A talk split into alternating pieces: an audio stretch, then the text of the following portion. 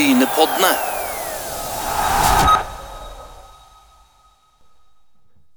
Sola skinner på Brynepoddene sitt studio, og i dag, Asker, så skal vi vel både ha skeise på og litt fotballsko og litt forskjellig.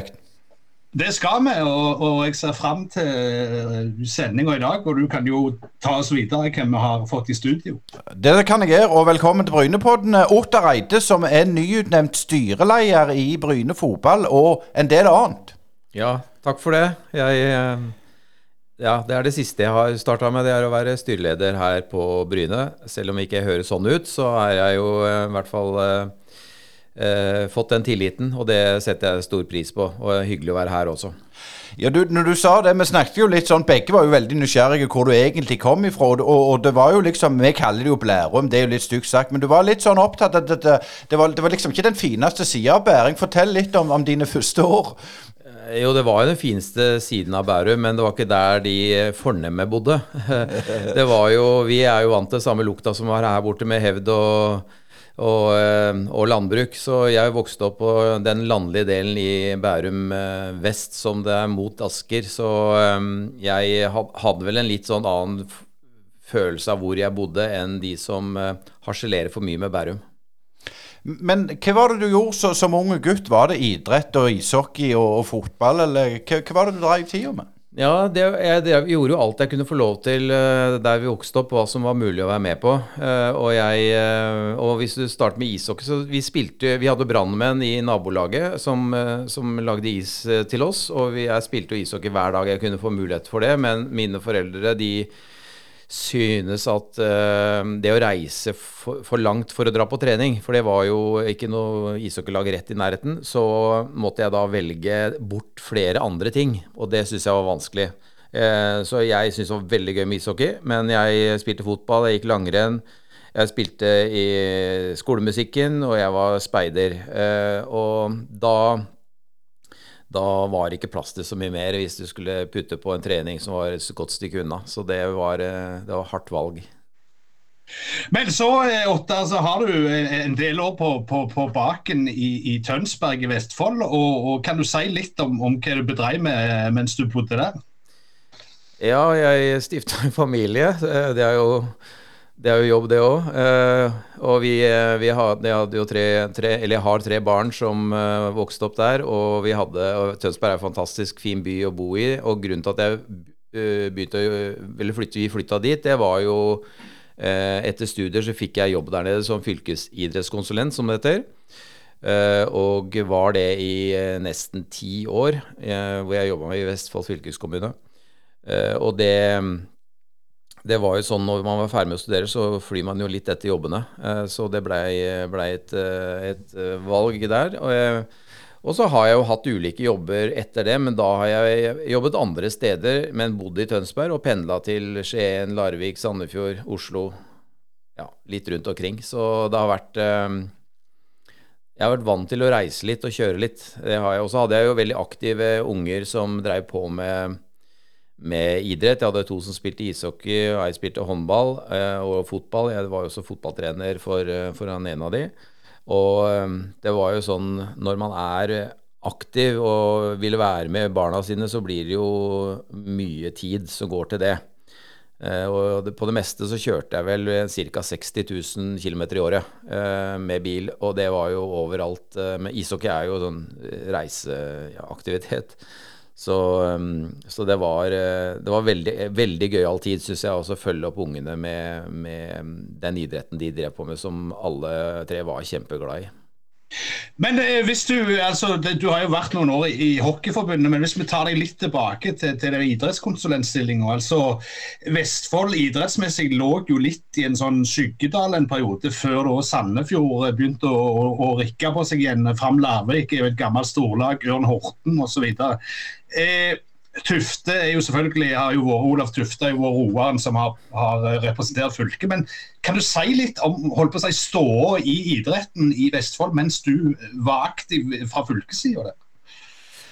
Ja, Du glemte jo det viktigste. Det var Eik Tønsberg. Eh, Det var jo, det var jo eh, en klubb som eh, gjorde det veldig bra på den tiden som jeg begynte å bo der nede. Og jeg, bodde jo på Eik sjøl og var jo var mye på kamper. Og Jahn Teigens tid osv. Så, og så, videre.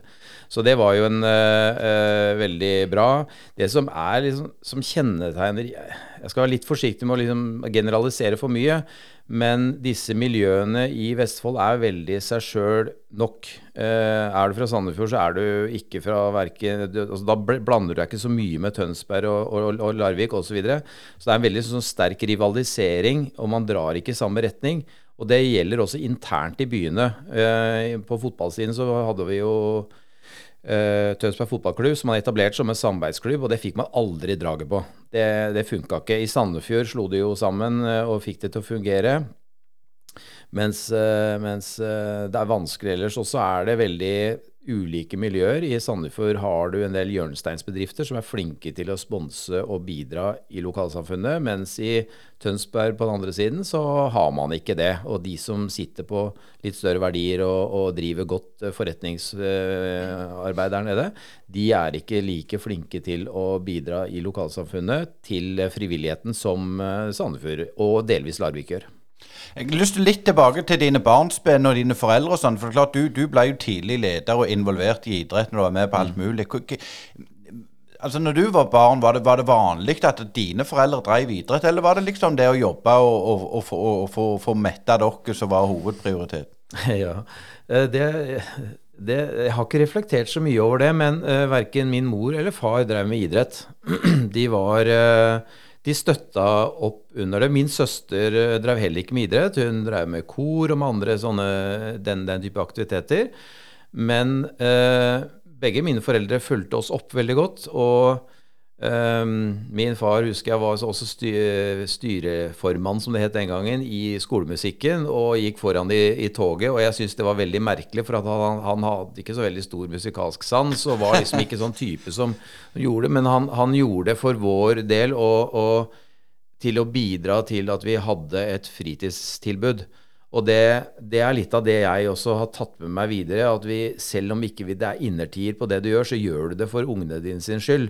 Og det er jo heldigvis mange foreldre som tenker sånn at uh, jeg må bidra hvis mitt barn skal ha et tilbud. Og det er vel en av de tingene som jeg i ettertid har sett uh, som en uh, stor verdi, som jeg også har forsøkt å, å ta med meg i mitt voksne liv. Men hvordan ser du på det at det blir så profesjonalisert alt nå? Nei, det er jo Hele samfunnsutviklingen er jo den veien. Det er vanskeligere og vanskeligere å drive eh, frivillighet, fordi at det stilles strengere og strengere krav. Det var jo det var ikke alt man var så nøye med før i tida, eh, mens nå er det jo eh, både myndighetskrav og, og ja, krav generelt som gjør at man må bli mer profesjonell. Eh, men jeg tror vi har en I Norge så er vi jo skrudd sammen sånn at frivilligheten og det profesjonelle kan gå ganske godt hånd i hånd. Og det er jo det som er spennende i en eh, idrettslag eller en annen organisasjon hvor du har eh, både profesjonell drift, mens eh, du også er helt avhengig av frivilligheten. Eh, noe som vi har hatt en, liksom en litt rød tråd gjennom, gjennom Brynepoddene, det er at vi ser at idrett og kulturlivet, og du nevnte det du drev da unge, alt mulig rart Det er liksom ikke så mye eh, erfaringsutveksling mellom de ulike lagene? Er det noe vi kan jobbe med for å få til, eller er det liksom ikke vits? Ja, det, det er et godt spørsmål. Uh, og jeg, er veldig usikker på hensiktsmessigheten med det, fordi at man har særegenheter som er veldig forskjellige i de forskjellige foreningene. Uh, du, og det er også ulikt om man driver uh, lagidrett eller individuell idrett, så har du helt annen struktur på det du gjør. Du har en annen motivasjon, du har en helt annen gruppe mennesker som du håndterer. Eh, men basis er jo det samme uansett hva slags organisasjon du er i så har du behov for en eller annen struktur som leder det, og du må ha, eh, du må ha et apparat rundt det, osv. osv. Så, videre, og så, så jeg tror egentlig ikke at vi, vi Eller vi har nok mye å lære av hverandre, men jeg er usikker på hvordan man skal organisere det for å dra nytte av det. Men det er jo mye av de samme menneskene som er igjen i de forskjellige eh, også. Så om du er med i fotballen, så kan du like gjerne være med i Speideren, Røde Kors eller koret for den saks skyld. Men eh, nå har du jo eh, vært en del år i Norges ishockeyforbund, og, og, er vel kjent i, i, i vår religion som, som mannen som henta Petter Thoresen til, til, landslaget. og og, kvitta, og, og, og stoppet hans tid i Oilers. Men kan du si litt om det ishockeyforbundet du, du kom inn i, og hvordan det var altså hvordan var ståa i norsk hockey sånn 2013-2014? Nei, vi var eh, Det, det har jo utvikla seg eh, mye etter det. Og eh, ikke minst på organisasjonssiden. Vi har jo Den gangen jeg ble ansatt, det var jo et halvt år før jeg ble generalsekretær, så ble jeg ansatt som organisasjonssjef, eller hva vi kalte det for den gangen. Eh, og hele grunnen til, og det var en ny stilling som ble opprettet av en president som var opptatt av at vi måtte eh, bygge opp organisasjonen. Vi må investere i organisasjon. Eh, og, og, så må vi selvfølgelig utvikle sporten videre, men det er umulig å utvikle sporten dersom man ikke har en organisasjon og en, et godt fundament. Og den gangen i 2013 så var vel jeg ansatt nummer åtte i administrasjonen, og nå er vi 16-17 stykker som jobber der sentralt. Og det er jo det har vært en utvikling. Samtidig så har vi jo økt veldig på markedssiden. Eh, og oppmerksomheten rundt norsk ishockey er jo blitt eh, mye større med, med mye mer TV-dekning. Klubbene har utvikla seg veldig bra i den tida. Vi har fått flere nye, fine haller. Så det er jo en, er jo en vekst som, og en reise som vi egentlig bare har starta på. Som vi har mye igjen for å nå der vi ønsker å være, men vi er på veldig, veldig god vei. Men her I Brynepoddene så hadde vi jo nylig eh, Pål Hiksen som gjest, og, han snakket jo at, eh, snakket om at de fra eh, Stavanger Oilers' side iallfall var veldig sterkt ønske å få spredd ishockeyen til Bergen, til Kristiansand, kanskje til Sandnes. Eh, hvordan ser dere i forbundet på dette? For Hockeyen tradisjonelt i Norge har jo vært veldig sånn østlandsprega, iallfall sånn historisk. Ja, det er riktig. Og man hadde jo trikkeserien, som de kalte det, hvor, hvor alle lagene kunne bare kjøre trikken til hverandre.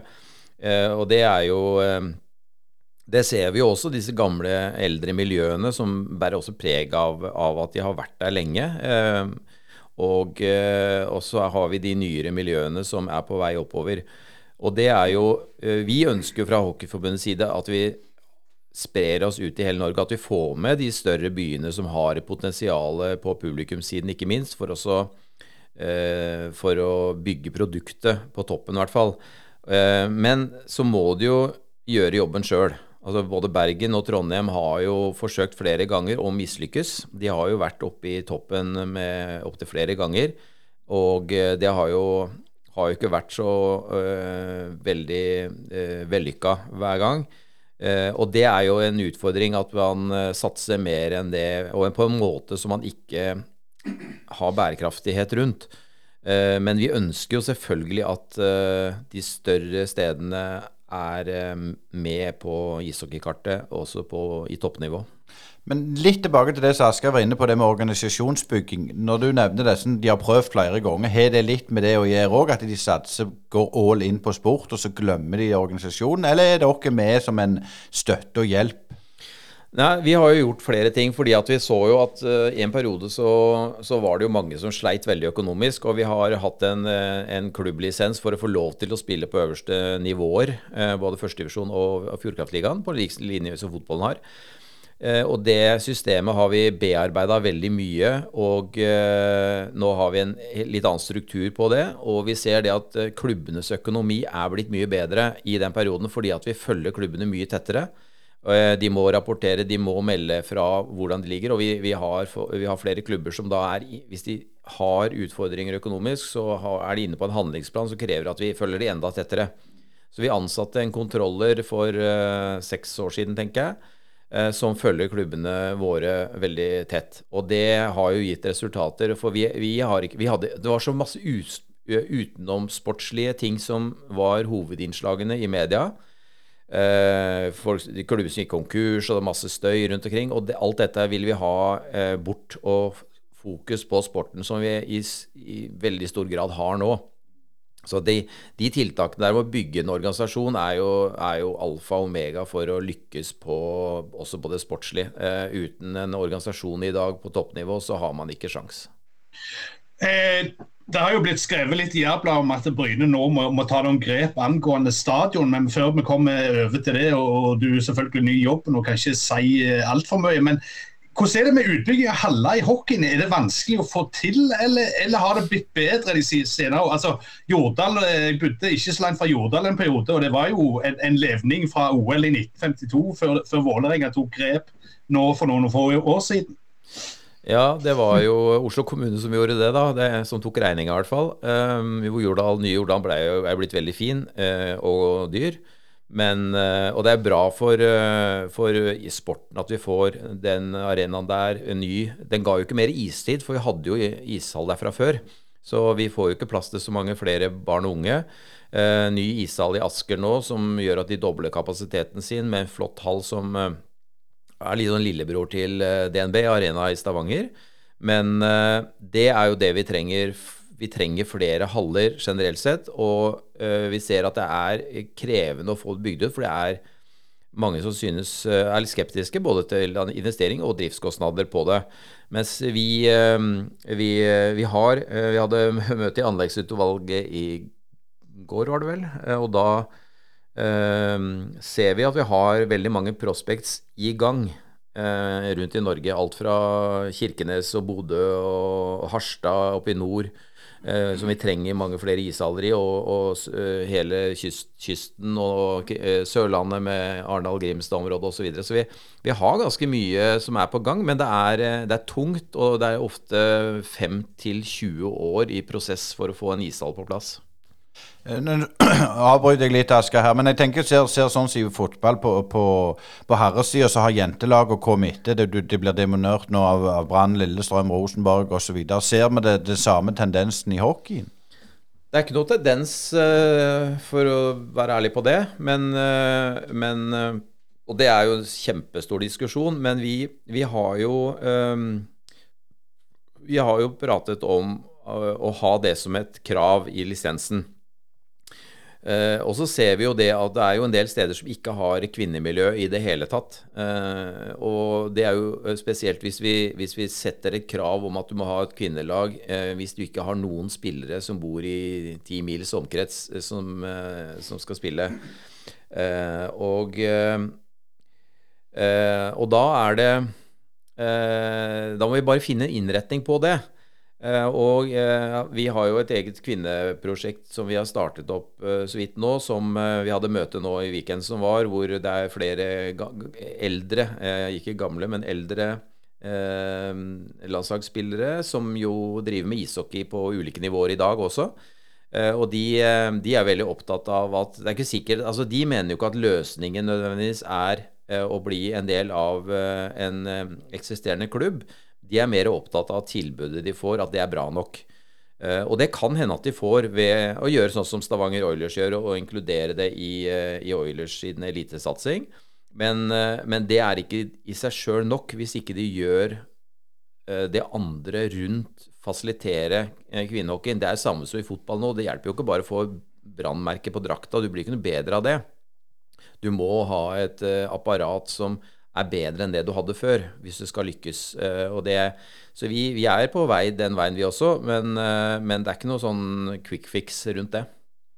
Eh, kan du si litt om, om hvordan dere jobber i forbundet med dette med talentutvikling osv., og, så og hva status på, på landslagene er for tida? Altså, er det en fordel som i fotballen at folk kommer seg ut og får testa seg i bedre liga, eller liker dere å holde dem litt hjemme og la de få røffa seg opp litt med, med gamle luringer?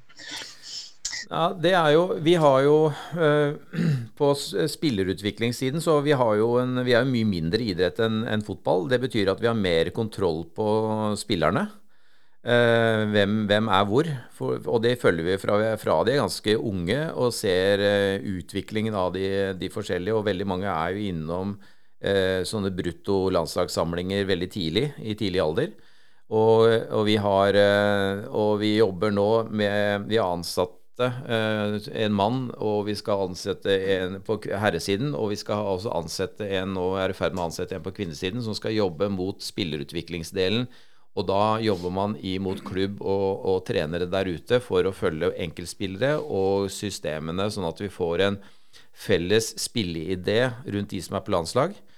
eh, opp gjennom årene, så du, du, har en samme filosofi hele veien eh, som du følger oppover.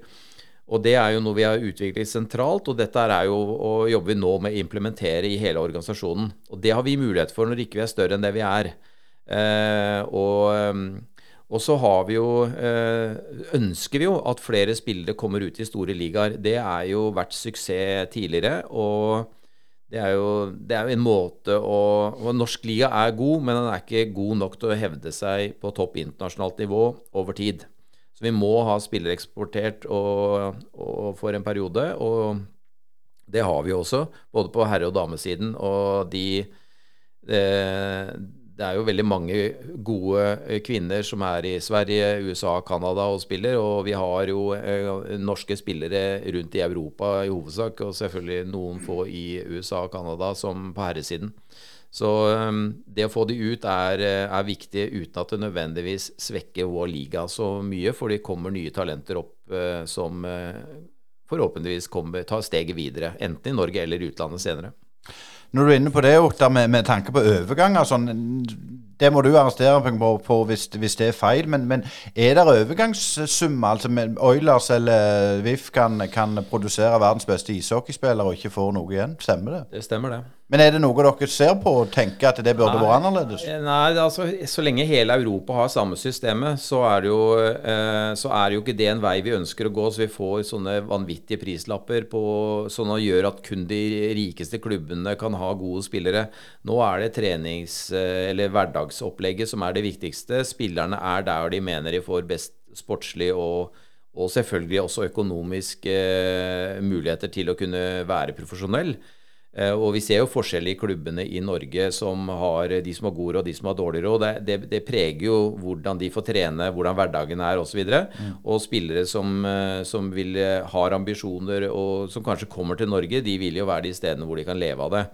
Men, men det å De eneste stedene vi nå har mulighet til å kunne få noe penger, det er jo hvis det blir en spiller som går eh, fra norsk klubb og blir drafta til NHL, så det, følger det med noe penger som er sånn eller utviklingskompensasjon, som de kaller det. Mm. Men, eh, men, dessverre så er, jo, er, det jo ikke alle spillere som går direkte fra Norge og, og i draften. De er jo ofte igjen innom Sverige, hvor det også er større apparat for å følge med norske Eller de spillerne som er i de nasjonene som har litt enda bedre liga enn det vi har. Det er der, eh, det er der de NHL-klubbene følger best med.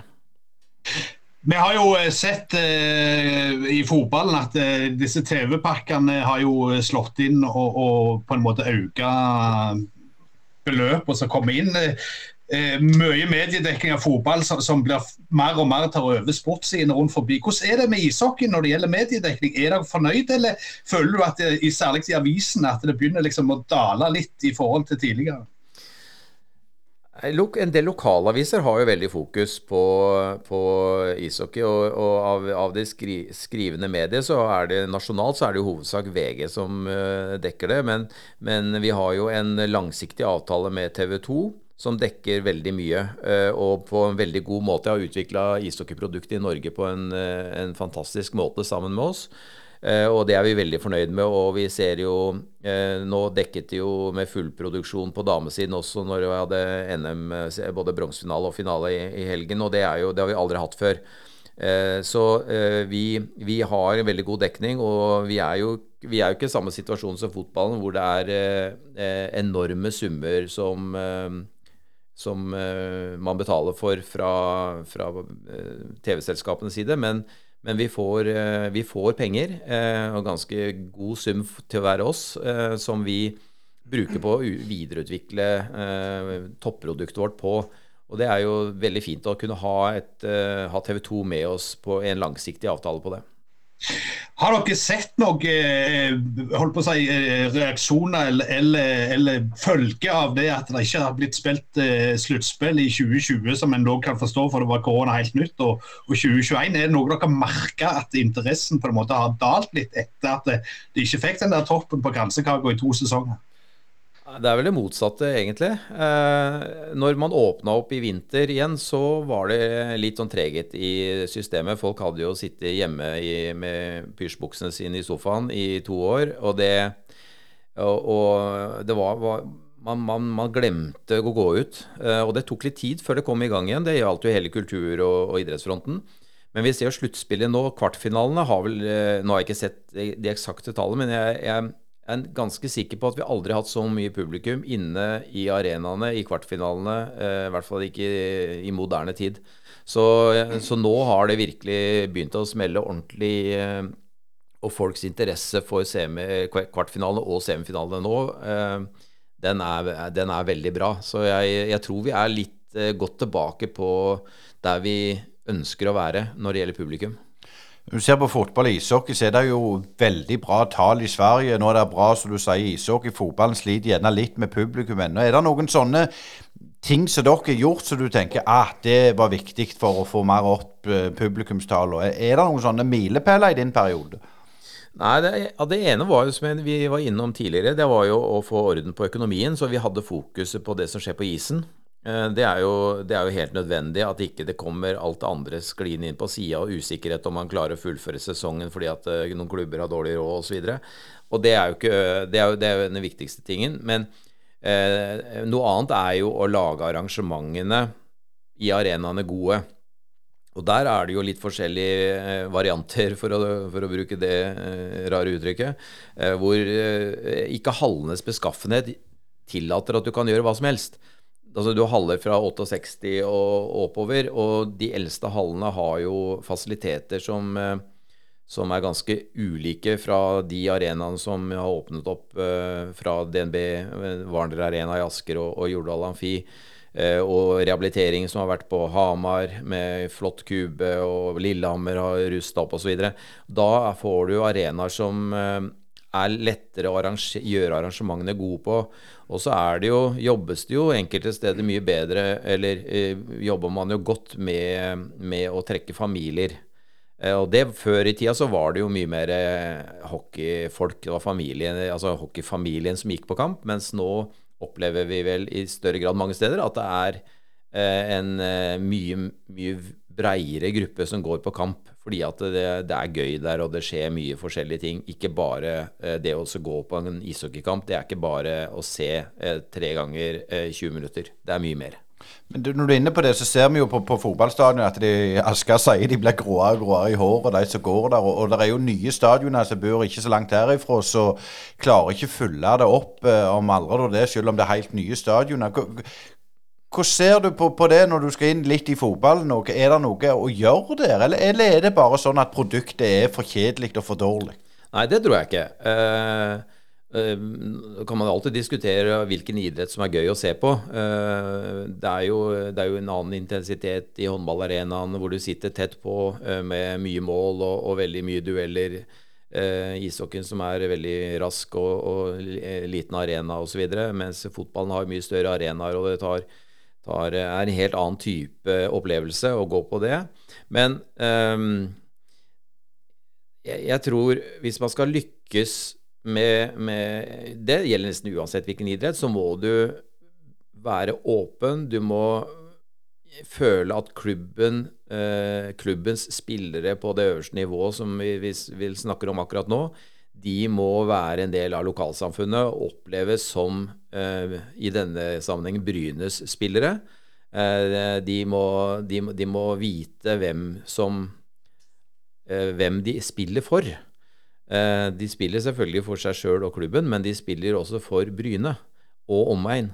Og det er utrolig viktig at de, de, de må være åpne, de må, være, de må ha, være profiler. Folk må vite hvem de er.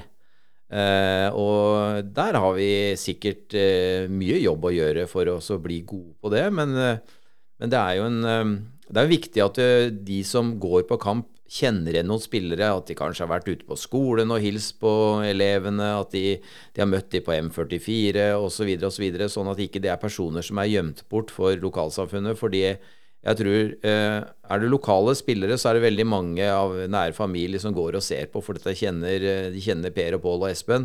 Eh, men er det bare folk som man ikke kjenner igjen, så er det ikke sikkert at man ønsker å gå på kamp. Så, så det er jo noe med den tilhørigheten å gjøre til enkeltpersoner som jeg tror i hvert fall er en ganske viktig måte å trekke publikum på.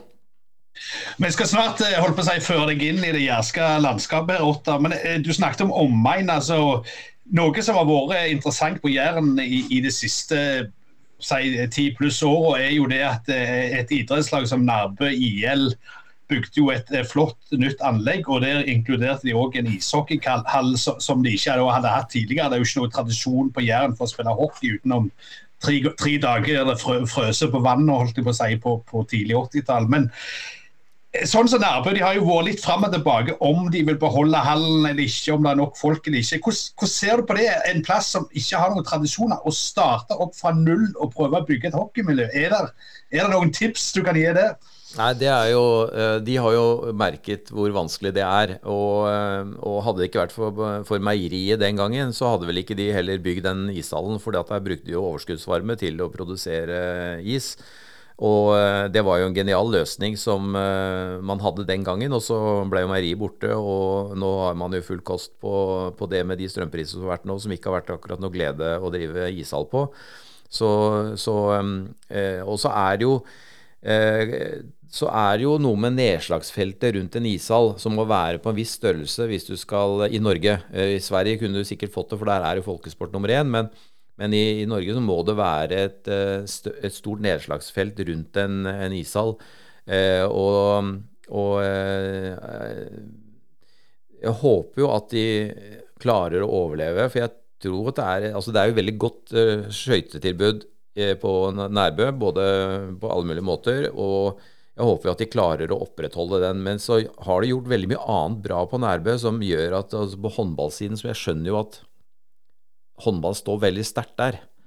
Eh, og de er jo superflinke eh, med, med, alt de gjør der. Både på aldersbestemte og, og på toppen. Så, så, eh, og, det, og sånn, sånn, vil det bli prega andre steder også, hvor du har en, en ganske stor maktfaktor inn i en, eh, en idrett da, som er, er, større enn de andre, så vil det automatisk trekke flere unger til den idretten. Det er, liksom, det er, det er helt normal mekanisme rundt det.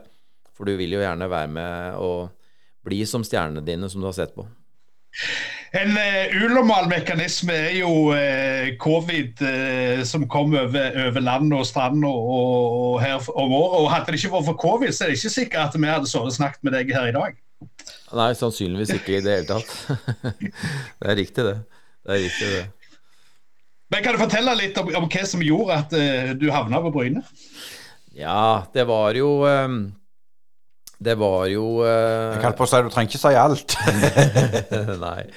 Men jeg har nå ei kone som er herfra, som uh, vi traff hverandre for ikke så altfor lenge siden. Men, uh, men vi har vi har vi, vi, snakket om hvor vi, vi bodde på Østlandet, og Silje, som hun heter, jobba i, i, i Oslo, hun også. og så Eh, så har jeg voksne barn, og de bor eh, litt rundt i hele landet. Eh, så jeg hadde ikke noen spesiell binding til noe sted. Mens Silje sine barn, som også begynner å bli godt voksne nå, de, de bor her på Bryne, og, vi, og, jeg trives veldig godt her borte. Så vi var her ganske mye, og vi dro Så, i, så kom koronaen. Og i den forbindelse så var det mye hjemmekontor, og vi tenkte at eh, kanskje vi skal flytte til Bryne i løpet av tre til fem år. Og, da, og så leide vi oss en leilighet for oss å teste ut å bo her. Og jeg, jeg trivdes veldig godt, og Silje trivdes godt. Masse nettverk som hun hadde, og, og vi er jo sosiale, så det er ikke så vanskelig å bli kjent med folk. Um, og dermed så, og så dukka det bare opp et uh, hus foran nesa vår som vi fant ut at vi skulle ha. Så kjøpte vi det. Og så, så havna vi her borte litt før enn det vi hadde planlagt. Og så fikk vi en avtale da med pendling. Eh, både Silje og jeg Eh, skulle pendle til Oslo og um, jobbe sånn som vi har mulighet for nå, med, med hjemme, delvis hjemmekontor, så eh, blei det jo sånn at uh, hun fikk seg en jobb i Stavanger i, i, sommer. Sånn at det blei jo ikke Oslo på henne allikevel. Men, men, nå er det jo en ny, nyvalgt styreleder i Bryne fotball, og, og, du skal fortsette som generalsekretær i, Hockeyforbundet. Men eh, skal du inn nå og styre sport og styre hele basaren, og, og, blander du deg mye i sport når du er generalsekretær? Fortell litt om det. Nei, det gjør jeg ikke. Har, det, det, jeg har jo ansatte eh, som jobber med de tingene. Og eh, det er jo viktig å, å være klar over roller. Eh, det er i hvert fall jeg i, i både jobb og, og i, når jeg er i styret, så er det jo viktig å vite hvilken hatt du har på deg til enhver tid. Eh, jeg har jo ansatt folk i sport på Ishockeyforbundet, og, og, da må de få lov til å jobbe med sport. Eh, og det er ikke mitt fagområde, eh, så jeg kan sikkert mene noe om det, men det er jo ikke kvalifisert godt nok til å, til å, å ta fra de den gode jobben de gjør. Det samme gjelder jo når du sitter som styreleder, for jeg vil regne med at det er der du vil ha meg over. Hvordan vi skal Hvor mye blander jeg meg borti det som skjer i å drive klubben? Eh, vi har jo en, eh, nå har vi en ny daglig leder som jeg har stor eh, tiltro til i Bryne. og og jeg skal i hvert fall som styreleder være veldig forsiktig med å være inne og styre administrasjonen i det arbeidet. Det, er, det, det, blir fullstendig feil. Han må få lov til å jobbe på sin måte og bygge sin organisasjon. Så får vi hjelpe han med å med å sørge for at han får de ressursene han trenger til å gjøre den jobben godt nok. Og når det gjelder det sportslige, så like mye som han også slipper det til, til uh, Kevin Knappen og de andre uh, i, på sport, så, så, må de få lov til å jobbe med, med det innenfor sine rammer igjen. Så, så får de den arbeidsroen. Og så må vi jo hvis alle skulle konsentrert seg om sport, så hadde vi ikke fått bygget opp det som er utrolig viktig, nemlig en organisasjon som har eh, livets rett, og som er bærekraftig nok da, til å drive Bryne fotballklubb eller en annen klubb over tid. For det er jo det som er viktig. Eh, og da må, du, da må noen gjøre det som ikke alle syns er gøy, nemlig å drive organisasjonen. Det er, eh, det er, så jeg er veldig klar på den delingen der, da. Både privat Eh, eller i jobb, jobb, og også nå privat når det gjelder Bryne fotballklubb. Men når du sier det, organisasjon Hvis, hvis det, hva jeg kan sånn litt sånn personlig du, Det virker jo sånn at Bryne fotballklubb er en organisasjon der mange vet, ikke vet hva på en måte deres konkrete arbeidsoppgave er. Eh, hvor tydelige kommer du til å være på å bygge en organisasjon? og Det, organisasjon, det, det heter jo ikke kart lenger, men, men er det en viktig jobb? Ja, vi fra styrets side må i hvert fall ta den, den uh, være tydelige på det, og, være, og, og, ha våre roller oppi det. Og så blir det jo vår, vår, oppgave å støtte sånn at organisasjonen ellers gjør det de skal. og det er jo det er jo sånn å jobbe med idrett. Da. Det er mye følelser, det er mye engasjement, det er mye passion for, og, og, og ulike motivasjoner for hvorfor man er med alle vil det beste, men det er ikke alltid det, det, er det beste for en klubb. Og det er jo alltid krevende å korrigere folk som, eh, som eh, gjør det de, de ja, jobber masse og bidrar masse, men kanskje burde justert seg litt. Og det er alltid vanskelig. Så, så jeg kjenner ikke Bryne godt nok til å være sånn veldig konkret på hvordan man skal gjøre det, men, eh, men det er jo veldig vanlig i alle idrettslag at vi har veldig stort engasjement. En, en liten kjeppe som jeg har hatt, er jo at eh, Bryne har levd litt for lenge på det som skjedde i 1987. og Hvis du går rundt og ser på stadion, så er det jo 1987 eh, ennå. Men eh, jeg tenker det er første gang i historien til Bryne tror jeg, at verken daglig leder, styreleder eller, eller treneren har noe sånn eh, sterke bånd til Bryne som, som plass. Altså, Du har en trio der som er på en måte utenfra. Tror du det kan være en fordel i, i året som kommer? At det, det, kommer inn folk som ikke har de der minnene fra ungdomsskolen med, med en, en, person, eller, eller ikke har vært opplanda i noen gamle krangler i, i, miljøet? Ja, det tror jeg er eh, eh, fordel. Vi har jo ikke den ballasten eh, som eh, går på eh, hvilken side man står på, hvem man snakker med, og hvem har man snakket med tidligere, eller hva har man ment tidligere, eller hvem kjenner man. Så, så når vi kommer inn, så har vi, har vi mye blank, mer blanke ark, som jeg tror kan være nyttig eh, for, å, eh, for, å, ta en klubb videre.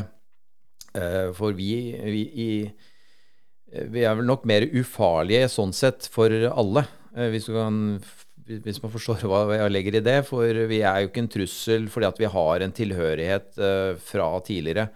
for verken den ene eller andre siden. Så, og jeg er enig i at vi Bryne har nok altså Det er mye gammel historie i Bryne, men jeg tror nok vi etter hvert også i større grad kan, må se framover og se på Kanskje vi skal få en ny æra i klubben framover også. Og det, det, tror jeg vi får til på flere områder. Og og jeg syns det, det, er ganske mange forventninger til, eh, til Bryne, og vi må, jo, vi må, jo, gjøre noen endringer for å etterleve det. Det er jeg helt sikker på. Men nå har jo du Otta, lang erfaring fra idrettsmiljøet på Østlandet og, og inn i, i Hockeyforbundet, selvsagt. Men, men sånn etter, etter, så kort tid, altså du har vært knapt ute på Bryne i et års tid, vel, eh, er det noen sånne store kulturforskjeller som du merker fra det du er vant med? Ja, eh, både ja og nei. Eh, Bryne er jo en eh, forholdsvis liten plass i forhold til de større byene på Østlandet, i hvert fall. Og, og her, her, er det jo sånn at folk kjenner hverandre veldig godt. og, og det er jo eh, mange fordeler med det, samtidig som det også eh, kan være utfordringer med det. Med det. Eh, men, men, vi som Bryne opplever jo også som en sånn Man har stått sammen rundt Bryne, Bryne fotballklubb uh, før, men jeg er ikke helt sikker på om Bryne-samfunnet står like mye rundt Bryne fotballklubb nå og opplever at den åpenheten og dette er klubben som er vår. Eh, og at det, det, står like sterkt. Og det kan være et resultat av mange ting, men jeg tror også vi må jobbe litt, litt mer med den, eh, det å oppleve som åpen og inkluderende klubb eh, enn det som jeg i hvert fall har et inntrykk av når jeg kommer litt utenfra nå. Nå jeg jo, snakker jeg jo ned om vår egen klubb litt, men, men, det er bare et stort potensial som jeg tror vi, vi enklere kan komme videre på når du, har, eh, når du ser, eh, ser det, den realiteten da, eh, nå. Men litt tilbake til Hvis jeg tar på meg skeisen igjen, som vi sier på Jæren. Ishockey hadde jo på en måte et, et litt dårlig omdømme for 10-15-20 år siden. Jeg føler jo på en måte fotballen har litt det samme nå. Det kommer i avisene for alle de feil tinga. Bryne òg er litt sånn omdømmeproblem. Hva var det dere gjorde i Ishockeyforbundet? Du har nevnt det med, med organisasjonen, med Halla. Men dere må jo ha vært veldig bevisste på det, for det har jo virkelig snudd? Ja, ja vi var veldig, øh, veldig bevisst på at vi ikke ville ha så mye omtale av det som går av usportslig karakter. Altså sånn type økonomistyring og, og krangling. Og, og, vi hadde jo spillere som ble brukt uh, feil fordi at de hadde ikke lisens osv. Og, så videre, og de hadde ikke forsikring. Altså det var masse sånn, og de hadde ikke innreisetillatelse. Og det var liksom, det, det var sånn følge, følgefeil hele veien. Med, men det tetta vi igjen med systemer. Um, blant annet så kunne du ikke få Etter hvert så lagde vi systemer sånn at når du, når du skulle sette opp en lineup på, på en kamp, så kunne du ikke få opp spillere som ikke var spilleberettiga. Uh, og da, Dermed så unngikk du alle sånne ting uh, som var problematisk før. For da hadde vi ikke systemer som snakket sammen, men nå kunne vi snakke sammen alle systemene, og plutselig så, så, så fikk vi jo et helt annet Så fikk du aldri sånne episoder hvor, et lag ble trukket to poeng fordi at de, de hadde spilt med en spillefeil osv. Eller fikk en bot på 20 000, eller hva det var for noe. Så vi, vi har luka bort alt det. Eh, og, eh, og, da er det jo det sportslige som får fokus. Og så ser vi jo i ishockeyen så er det jo et vanvittig engasjement blant publikum. og det, Man mener jo fryktelig mye om alle andre enn en sitt eget lag. og det det er jo litt av sjarmen, samtidig som det også er, eh, det er, veldig, sånn, det er høy temperatur i, eh, blant publikum også, med et, eh, med et, rimelig stort engasjement. Og det, det, engasjementet er jo bra for oss å skape interesse rundt sporten uh, i det store bildet. Og det er vel det er litt av den uh, Vi må ikke bli for grå heller, for da, det blir kjedelig hvis alle er hvis, hvis, hvis ikke vi hvis ikke vi har spillere som tør å by på seg sjøl, eller som, som er, er, litt annerledes enn en de 95 andre, så, så, så, tror jeg vi sliter. Vi må lage profiler som, som, utstråler noe, og som kanskje mener litt, eller som har en temperatur rundt seg, eller som er litt annerledes. Og det er jo det, er jo det å lage de profilene. Det tror jeg er utrolig viktig for, for oss å skape den interessen. Og du må, du må liksom ha, du må, du må pirke borti noe hele tiden.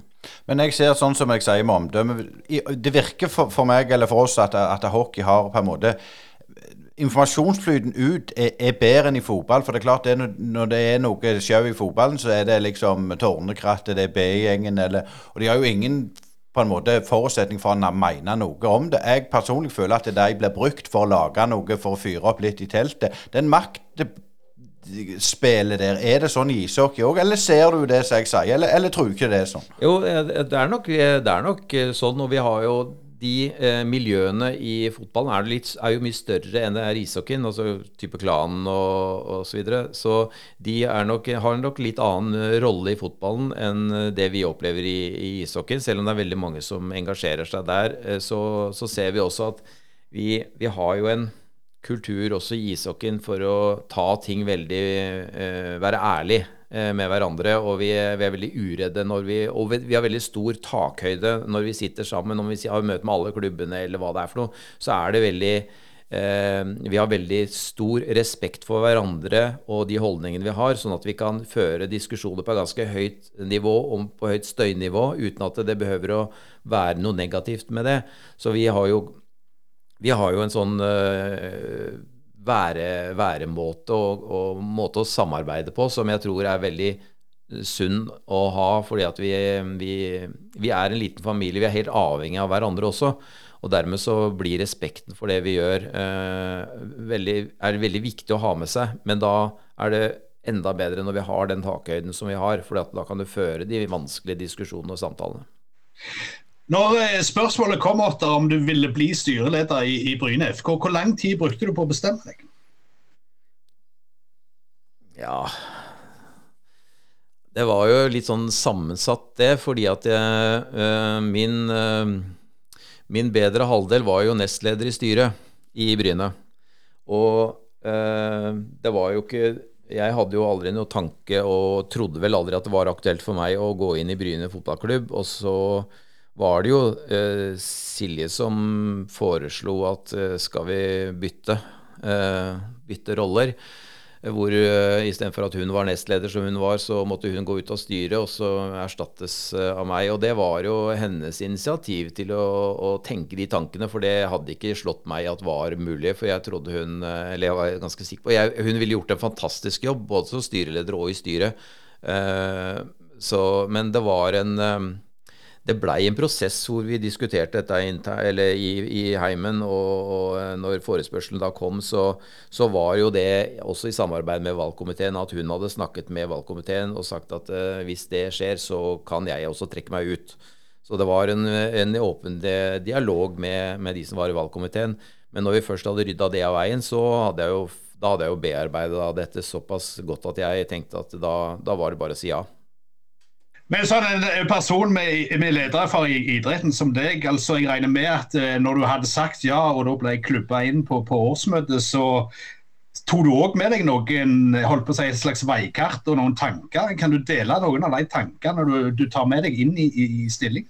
Ja, Det er jo veldig kjedelige ting, da. Men jeg, eh, jeg er jo for meg så er det jo viktig at vi blir en klubb eh, som, eh, som eh, har en god organisasjon, som har jobber med, med hele, hele spekteret. Altså på årsmøtet så var det veldig mye fokus på damefotballen. Og det er jo ikke mer enn rett og rimelig at det var et stort fokus, for det har jo ikke vært bra nok i Bryne, og vi, vi må jo bli bedre. Så, så det er jo så, sånne ting som jeg er opptatt av når jeg jobber i ishockeyen, men like mye når jeg er i fotball nå, at vi har styr på det vi driver på med. Vi har et, eh, et stort potensial på anleggssiden som eh, vi var så vidt innom tidligere. Og det er jo et område som jeg har jobba mye med idrettsanlegg opp gjennom årene. Og det er jo et område som det kommer til å ha, se, se godt på nå framover. For, for stadion eller hele stadionområdet eh, bærer jo preg av tidens tann, og, vi trenger jo en oppgradering på ganske mye av det. Og det, en, eh, det må vi legge et eh, løp på som er bærekraftig i forhold til økonomi. Men, men, at det er nødvendig å gjøre noe, det er det ikke noe tvil om. Eh, nå er det jo to idretter vi har snakket om. men sånn som så topp og bredde vil jo jeg òg si er to idretter. Hvordan er det mulig å få til i en toppklubb? Ja, det er det. Uh, men du må ha tunga rett i munnen. Uh, og det er jo store interesse uh, ikke motsetninger, men det er store ulike interesser rundt det å drive en toppklubb i Obos-ligaen som vi er nå, med den økonomien og den uh, profesjonaliteten som kreves der. Men samtidig så, så kan vi jo være en breddeklubb med, uh, med hele det spekteret det fører med seg. Hvis du er bevisst på det, og du har ressurser, og, og, Hans Øyvind Sagen, som er ny, ny, ny daglig leder, han han brukte et begrep nå som jeg likte veldig godt. Han, vi snakker om topp, eller elitesatsing, og så snakker vi om bredde. Men han sa vi må ha breddesatsing. Og det syns jeg var veldig godt sagt, fordi at det må være elitesatsing og breddesatsing. Og det, eh, hvis, vi, hvis, vi, får det planta inn, inn, hos oss, så betyr det at vi faktisk må gjøre noe mer også for bredde, breddedelen. Og det Eh, det er fullt mulig å gjøre, men eh, du må ha bevissthet rundt det. Og så må du ha, ha, den delen av organisasjonen også på plass. For det, det, gir seg ikke sjøl å bare kaste ut en ball og så tro at det kommer masse unger og holder på.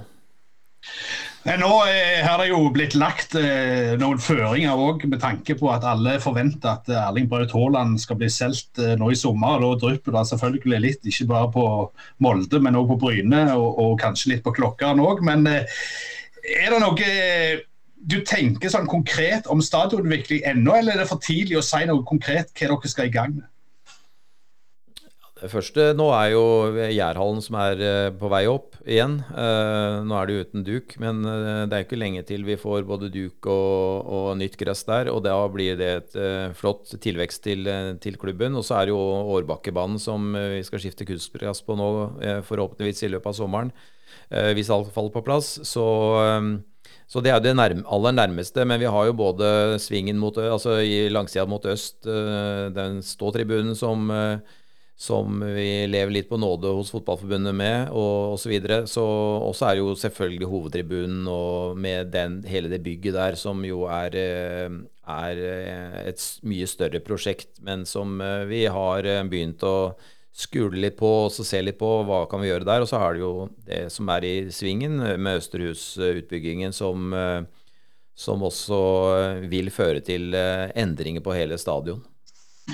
Eh, litt der med, med den peik, pekefingeren som forbundet kom med. altså Nå er det jo òg spilt ut at eh, alle skal tilbake til gress, og, og, kanskje slipper dere den kostnaden med å bytte fra kunstgress til gress igjen. Men altså, i, i, den grad som du kjenner holdt på å si, ulike forbund, altså er det vanskelig til det for et forbund å komme inn og si til en klubb at dere må ta dette økonomiske løftet, når en vet at uh, flere klubber havner litt i ulykker pga. Av, uh, av dyre stadionbygninger? Jeg tenker f.eks. på Start. Ja, det er jo Jeg har jo vært litt skeptisk til uh, særforbundenes uh, higen etter og høye krav på arena. Håndballen har jo hatt litt av det samme også hvor de har eh, stiller krav som, eh, til kapasitet osv. Og, så videre, og fasiliteter som eh, ikke, alt, ikke, passer overalt. Vi har vært veldig forsiktige med å innføre den type krav hos oss i, i ishockey, fordi vi, vi, vet at det er dyre, dyre, ting. Det som går på sikkerhet, det er liksom der vi setter kraven, har stilt krav. Hvor vi skifta bl.a. Uh, rundt omkring, for vi måtte få fleksible vann, sånn at vi fikk ned skade, skadehyppigheten som var med de gamle vantene. Uh, og den, den, er lettere fordi at det går på sikkerhet. Mens, uh, mens, nå når man innfører uh, mange av de kravene som er, så kan de virke litt sånn meningsløse at det kommer. Det, og det som er utfordrende, er jo om det knekker økonomien. Altså har man råd til det eller ikke råd til det. Og, og jeg, jeg, opplever at Fotballforbundet har en viss fleksibilitet og, og, ønsker å finne de beste løsningene som kan passe lokalt, samtidig som de ivaretar de kravene de har eh, på det aller nødvendigste. Så det er jo en, en, god dialog med Fotballforbundet vil jo alltid være nyttig, og også når det gjelder anleggs, eh, godkjenning av anleggene og hvordan vi skal videreutvikle stadion i den takten vi har eh, økonomi til. Men nå må vi eh, snakke litt om omdømme helt til slutt. Eh, de som har levd og vært grå i håret en stund, eh, har, har, hatt planer på Jæren før med nye stadion. Det har vært fire daglige ledere dette året, vel, eller i fjor og i år. Hvordan er det nå å selge inn Bryne fotballklubb, at det faktisk nå gjør vi det, nå skal vi få det til? Ja, hadde jeg kunnet svare godt på det, så hadde jeg vel vært der kanskje for lenge siden. Men, men det, det, er jo det som er spennende nå. Det er jo hvordan skal, vi, hvordan skal vi komme på en litt annen retning enn det jeg opplever at vi opplever som. Det er jo ikke alle som mener at vi har vært på har hatt feil retning, sikkert. Men, men jeg tror vi opp, Samtidig så ser vi at vi har mye å gå på, både mm, når det gjelder de kommersielle inntektene, samarbeidspartnere, gjøre produktet mer interessant, publikum på, på banen eller på, på kampene osv. Eh, og der, der, er jo, der er jo dette med omdømme, åpenheten, eh, inkluderingen være, være, et viktig samfunnsbidrag i Bryne-samfunnet. Det er jo det som vi må jobbe med. Eh, sånn at folk regner med oss og ser at vi er en eh, tilvekst. og vi vi, eh, vi, må være et sted man ønsker å gå til, eh, og som har det tilbudet som er bra. Så vi, og så er det mange andre som gjør en kjempegod jobb på Bryne med det, og, og, eh, og både på på flere områder. Så det er ganske mange som har, er flinke i andre organisasjoner på Bryn også. Ja, hvis det kom en nyhet nå, at Jærhallen skal, skal bli en ny ishall i stedet. Ja, Det høres veldig bra ut, iallfall på vinterstid. for si. Det var jo ganske kaldt der, så du kunne sikkert lagt is der for noen år siden. Nei, men Det var utrolig stas å ha deg på besøk, Ottar Eide. Du er generalsøk i Ishockeyforbundet og ny styreleder, styreleder i Bryne fotballklubb. Tusen takk for du stilte opp. Takk skal dere ha. Brynepotten har hatt på seg eh, både fotballsko og skeise i løpet av denne potten, og Ottar Eide var et eh, kjekt bekjentskap. Og generalsekretæren i Ishockeyforbundet hadde mye godt på hjertet. og Han imponerte meg. Han var jo østlending, så han klarte seg ganske greit til å være det. Og Gjorde han ikke det? Jo, du hadde den jo i studio, så du så det vel med hjelm på deg i tillegg, Øystein. Men eh, jeg, jeg syns virkelig han hadde fatta, fatta mye av eh, Bryne på relativt kort tid. Og Otta var heller ikke redd for å si meninger om en del ting. og jeg mener helt klart at Bryne har et stort behov for å fornye seg nå og, og komme litt vekk fra historien og, og begynne å skrive sin egen nye historie. og jeg mener det skal bli veldig spennende eh, dette året hvordan det går med, med nye team, ny daglig leder, eh, ny styreleder. Så jeg håper jo at ting kan begynne å, å, falle litt på plass, og at en får se litt fornying i fall på stadion i det kommende sesongen. Og der skal vi jo ikke undervurdere Bjørn Hagerup heller. Han er jo en mann som er vill av ideer og har allerede innført farser på, på klubbfester, og det er jo et positivt tegn. Det er et steg i riktig retning. Og, det som var fint med Otta, det var òg at eh, de snakker om å bygge organisasjonen, og da, og da, sier han det er jo ikke bare å putte på folk, men de må faktisk vite hva de folka skal gjøre. og det, det, tror jeg er utrolig viktig. Det nytter ikke å få uh, Jørgen Klopp til å trene Bryne hvis, de, hvis de, ikke er luft i ballene, hadde jeg mest sagt. Ehm, så, så Otter Eide, kjempebra jobba, og han skal fortsette å være generalsekretær i Ishockeyforbundet, så de skal få, få gleden av han framover. Men ehm, men vi skal vel ikke snakke så mye om skøyter og sånn is eh, framover nå, for nå er det sommer og fotball eh, det kommer til å dreie seg om. Ja, Sommer var vel å ta litt i. Eh, vi er jo tross alt bare i april. Men eh, det blir mye fotball framover, ja. Og, og, vi har jo hatt eh, et par stemmer her i, i studio òg med fotball, så, så, vi gleder oss til fortsettelsen. Og neste uke så får publikum høre det som vi opplevde i forrige uke inne på Tau. Absolutt. Og det var det vi hadde i Brynepoddene for denne gang. Tusen hjertelig takk for at dere hørte på. Uten dere, ingen Brynepodd. Brynepoddene.